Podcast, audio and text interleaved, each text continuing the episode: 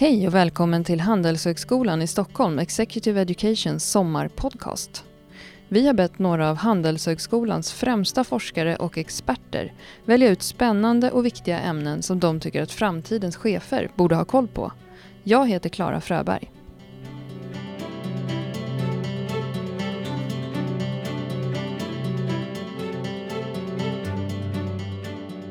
Nu står jag här med Emma Stenström. Kan inte du berätta lite grann om vem du är? Jo, jag är forskare och lärare här vid Handelshögskolan i Stockholm. Docent i företagsekonomi som det heter så fint. Eh, och forskar om en massa spännande saker och undervisar om lika spännande saker. Och jag tänkte väl egentligen att det är mest undervisningen jag tänkte berätta om idag. Ja, kan inte du berätta, vad är det för ämne som, som du har valt ut att eh, prata om här idag? Jo, men jag ska prata om det som upptar eh, mesta delen av min tid och också flera av mina kollegors tid nu, för att vi är ett helt gäng som jobbar med det här. Och det är att vi till hösten kommer lägga till ett nytt spår i hela vår grundutbildning, det som vi kallar vår Bachelor i Business and Economics, som alltså är vårt stora nästan 300 personers program. Och där lägger vi till ett helt nytt spår som vi kallar för Global Challenges. Det tänker jag berätta om idag.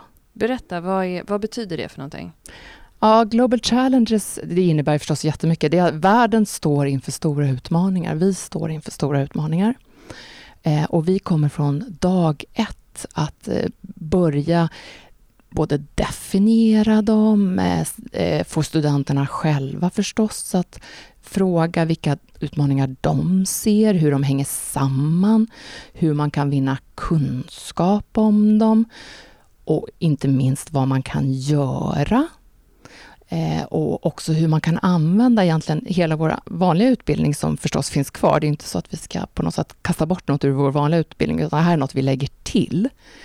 Så hela, hur kan vi använda de verktyg och teorier och tankar och analyser vi får med oss i alla vanliga kurser för att också hjälpa till att hitta lösningar på de stora utmaningarna i världen idag. Och när vi pratar utmaningar så pratar vi om sånt som eh, självklart då, hållbarhet, eh, ekologisk hållbarhet, vi pratar om fattigdom fattigdom, vi pratar om klyftor, vi pratar om migration, om terrorism, om tillgång till vatten. Vi pratar om digitalisering kan vara en utmaning. Eh, det stress kan vara en utmaning. Alltså det finns ju en, en hel, hel rad. Och många av dem hänger ju verkligen ihop. Så som till exempel befolkningsutvecklingen påverkar många av de här som jag redan har tagit upp. Så att, att förstås att förstå hur de hänger samman blir också en viktig del. Eh, och självklart kommer vi inte kunna gå på djupet i alla, för de är ju så många och de är ju så svåra. Eh, men vi kommer åtminstone eh, plocka in en viss nivå av kunskap och då tar vi ju in också naturvetenskaplig kunskap för att försöka förstå. Vi tar in teknologisk kunskap, vi tar in från olika kunskapsfält för att också försöka förstå vad de här utmaningarna går ut på. Eh, så, men skulle du kunna ge ett konkret exempel på en av de här utmaningarna som ni ska sätta tänderna i? Mm. mm. Ja, vi gör så här att under första terminen de går, då tar vi upp ett antal. Så ge, låt mig ge dig ett. vi börjar eh, egentligen med att rita hela kartan och sen så går vi lite mer på djupet. Eh, vi tar till exempel då upp klimatförändring. Det är ju en sån tydlig utmaning som världen står inför. Och då, då gör vi så att vi plockar in de som verkligen kan någonting om det här ämnet. Vi har Johan Rockström kommer in, som också sitter i vår advisory board för hela det här nya spåret. Han kommer in förstås och berättar om vad vi står inför och varför och hur det ser ut. Eh, vi tar också in folk från oss själva som då tittar lite mer på hur vi som företag kan agera och hur det här påverkar ekonomin. Ehm, och sen, så, sen gör vi en blandning. Vi plockar in våra partnerföretag och andra företag som får komma in och berätta om hur de arbetar med de här utmaningarna.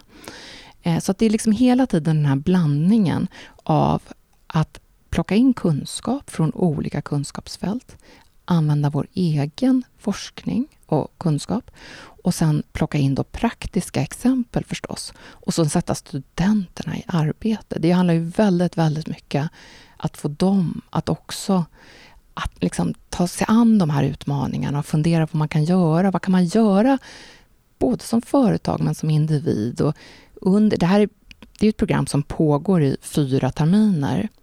Så att där vi, vi säger att vi börjar med första terminen, då kallar vi det just för liksom att det är då vi vinner kunskap. Det är då vi försöker förstå vilka utmaningar är de? Hur hänger de samman? Hur kan vi få kunskap om dem?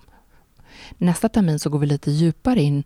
Vad kan vi göra åt dem? Och då tar vi upp både så stora internationella organisationer som FN och den typen av organisationer som sträcker sig över eh, mellan olika länder.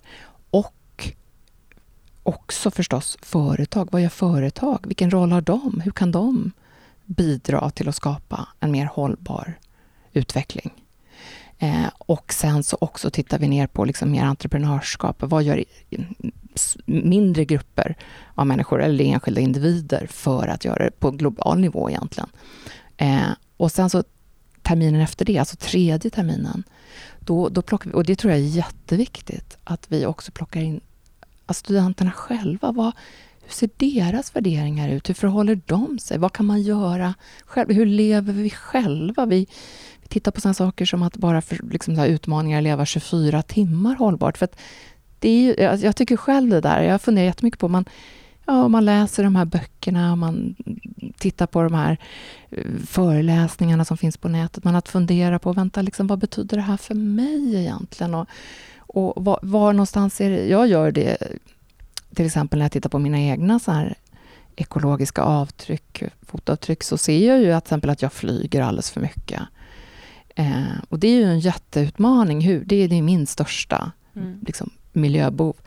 Eh, hur kan jag hantera det? Vad ska jag ha för liksom, tankegångar kring det? Så det handlar också om att plocka ner på en nivå där man själv är med. Men det kan ju också vara att, ja men vänta kanske, alltså våra studenter de är ju så fantastiska också, jag vill bara säga, de är ju helt fantastiska.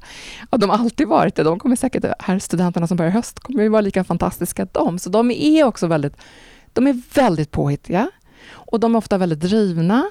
Och när man sätter igång liksom, så att de också själva får se vad de skulle kunna skapa för lösningar och tillsammans och med andra, då tror jag också vi kan få stor utväxling på det här. Så fjärde terminen kommer handla om att de ska göra, alltså att vi går liksom från kunskap till vad gör andra, vad kan man göra, till vad kan du göra, vem är du, till okej, okay, gör, okej, okay, vad ska vi göra nu då? Den fjärde terminen. Så ett exempel som jag själv brinner mycket för, jag kommer från det fältet, är att vi också plockar in konstnärlig kunskap. Eh, och vi plockar in humaniora.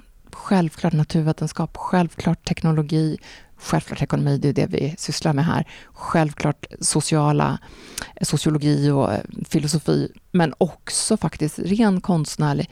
Hur, hur både liksom gestaltas, hur kan vi gestalta de här utmaningarna? Eh, vi gör till exempel ett samarbete med Moderna Museet där vi tar med alla våra studenter till Moderna Museet i höst och ser en utställning som pågår som heter The New Human som väldigt stor utsträckning just också adresserar de här utmaningarna, fast då från ett helt annat håll. Men genom att gå och se det så blir det också, tror jag, berör på kanske ett mer emotionellt sätt än en del av de här våra teorier, föreläsningar gör eh, kan vara både skrämmande och obehagligt och eh, också väcka hopp. Det kan vi ju eh, just beröra, så att vi inte liksom... Alltså vi, det, vi är ju i dem, men förstås också skapa viss hopp. Vi kommer också plocka in film och de kommer själva få skapa saker. Så det, det är också en viktig del av det här. Det är otroligt häftigt. Det, när du pratar så tänker jag att det låter verkligen som att ni rustar era studenter för att verka och finnas i den samtid som, som vi lever i idag och som de kommer att gå ut i yrkeslivet sen och jobba i. Men jag tänker om, man, om jag som lyssnar på det här är en ledare eh, eh, idag i ett, eh, kanske ett stort företag eller ett litet företag, men jag jobbar med ledarskap. Hur, hur ska jag tänka? Hur ska jag närma mig det här med global challenges? Ja, den, och den frågan är ju jättebra tycker jag. Um, jag tror ju, alltså dels så... Alltså, jag önskar att jag kunde säga att ja, men vi har en liten kortkurs här. Det skulle faktiskt vara väldigt kul. Det finns ju liksom, jag kan faktiskt tänka att det finns ju liknande kurser man kanske kan ta något sånt? För jag tror att det är väldigt viktigt att fundera över det här. Jag tror att det är lite viktigt att kunna, alltså en, en grundläggande kunskap eh, och, om den här typen av utmaningar. Och sen förstås måste man ju fundera på vad det här betyder för den egna verksamheten. Eh, jag tror att det är viktigt, dels för att det kommer det, alltså, det är inte bara våra studenter, jag tycker unga människor idag generellt, jag ser det på min son och hans kompisar, det, det finns ju en enormt stor medvetenhet och det finns en stor önskan, det här ser vi ju hela tiden i alla undersökningar, att, att det faktiskt finns det här man måste göra något meningsfullt. När vi ställer frågan till våra studenter, eh, den har också förändrats. Den frågan, vad tittar ni på hos en arbetsgivare? Så är det förstås jätteviktigt som arbetsgivare att vara medveten om att det kommer en generation där det här är jätteviktigt. Eh, sen är det förstås viktigt, inte bara för att kunna attrahera arbetskraft, det är förstås också viktigt för kunder. Alltså det ser vi ju också mer. Man blir, det är såklart att det, det är inte så att det är genomgående, men medvetenheten ökar och det går rätt snabbt nu, skulle jag säga. Så det, det, är ju rätt viktigt att också gentemot kunder kunna erbjuda och visa på att, här, att vi förstår att det vi gör, det måste också ha vi måste tänka hållbarhet. Och då menar jag inte hållbarhet enbart i form av miljömässigt, även om det är självklart, utan också vad gäller sociala aspekter och mänskliga rättigheter. Och, alltså vi måste, och, och, även personal. Bara en sån sak som stress och välmående, det är också en av de där utmaningarna vi tar upp i programmet, som förstås är jätte, jätteviktigt. Det är ju gigantiska kostnader, så att inte liksom att inte fundera över de här utmaningarna för framtiden och fundera på hur, vad det betyder i min verksamhet. Det tror jag är förödande i det långa loppet. Det, det tror jag. Så jag tror att man är helt, det är nödvändigt att vara medveten. Och då tror jag att man ska skaffa sig kunskap, men sen förstås översätta det till vad kan vi göra i det här sammanhanget. Eh, och det, det får vi var och en liksom fundera över. Men absolut. Jag menar, I Global Challenges ligger ju liksom en, det, det är ju en bredd av perspektiven och jag menar, det är ju så här, de flesta företag jobbar ju självklart med det här också, ska vi säga. Det är ju inte så här att åh, nu har vi kommit på något helt nytt, utan det är ju såklart. Eh, men, men det finns ju alltid mer att göra. Alltid på alla områden.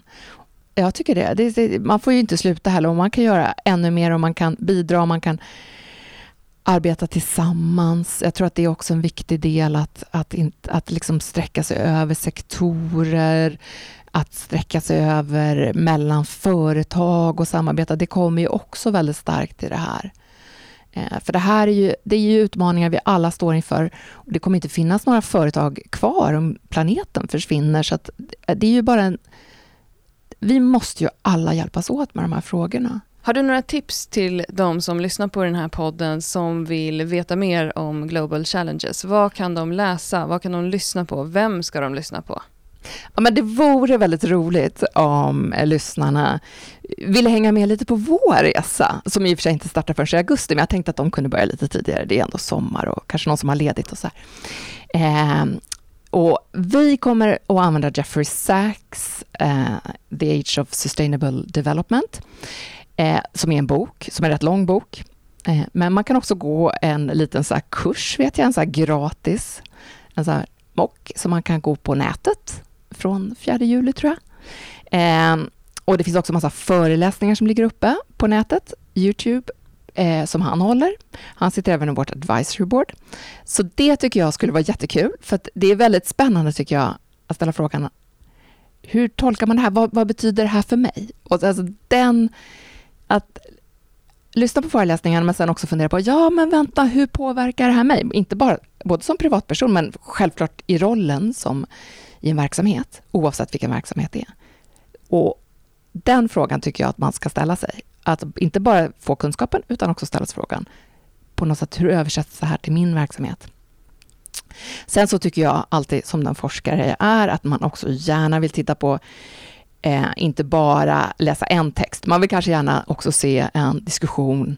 Eh, kan man vända på det? Finns det de som är kritiska till det här och vad säger de? Och personligen, jag läser en bok eh, som handlar om också lite mer om The Idealist heter den och som handlar just om Jeffrey Sachs, eftersom det är det vi använder som kursbok, så tycker jag det är spännande att läsa om liksom, vad driver honom egentligen? Och, och då väcks ju också tankar om vad driver mig och vad driver många som vill göra världen bättre och, och så ja, det blir också en spännande tankegång. Så att forskaren i mig säger förstås att eh, skaffa kunskap, eh, fundera över hur det översätts till din verksamhet, men glöm inte också att liksom ta det lite mångfacetterat och gå inte bara på ett spår utan också fundera lite runt omkring. Det är nog, men det är kanske en forskarsjuka. Det är kanske inte alla som gör det.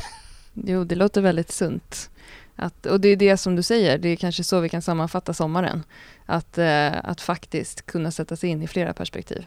Ja, just det. Och så har vi förstås ett till tips och det är ju om det skulle regna till exempel någon dag så kan man ju passa på och, och, och om man skulle vara i Stockholm, det är inte säkert, men om man skulle vara i Stockholm och då kan man ju passa på att göra som våra studenter ska göra i höst också och gå och se den här utställningen på Moderna Museet som heter The New Human. Eh, eller också, andra, det finns ju en massa, tycker jag, konst och kultur och litteratur och musik som också berör de här frågorna om världens stora utmaningar. Så det är väl också ett tips att göra i sommar. Ägna lite tid åt eh, ta till sig annan typ av kunskap än att bara läsa ekonomiska teorier som kanske ändå ingen gör. så tänkte jag att också och, då, och mm, Ja, ja, alltså, jag kan väl också säga att vi skulle ju tycka att det, i och med att vi drar igång nu till hösten, så är det också viktigt för oss. Och vi är ju som sagt var ett helt gäng här, lärare som gör det här. Och också alla de som har den vanliga utbildningen som fortsätter. Eh, att, att också komma med idéer och höra av sig till oss och vara med, för det här är ju någonting som sagt var, ju fler och ju mer vi gör det tillsammans och ju fler praktiska exempel vi kan få in, desto bättre blir det. Så att det, det skulle jag också vilja verkligen uppmuntra till och bjuda in till. Alltså. Eh, så kanske vi kan återkomma nästa sommar med någon liten egen kortversion av första årets kurs. För där, ja, jag, mm, det känns ju så viktigt, så det vore kul att få dela med sig ännu mer och skapa ännu mer tillsammans. Stort tack för att du kom hit. Tack! Du hittar Emma Stenströms tips och fler sommarpratarpoddar på www.exedsce.se sommarpratare 2016.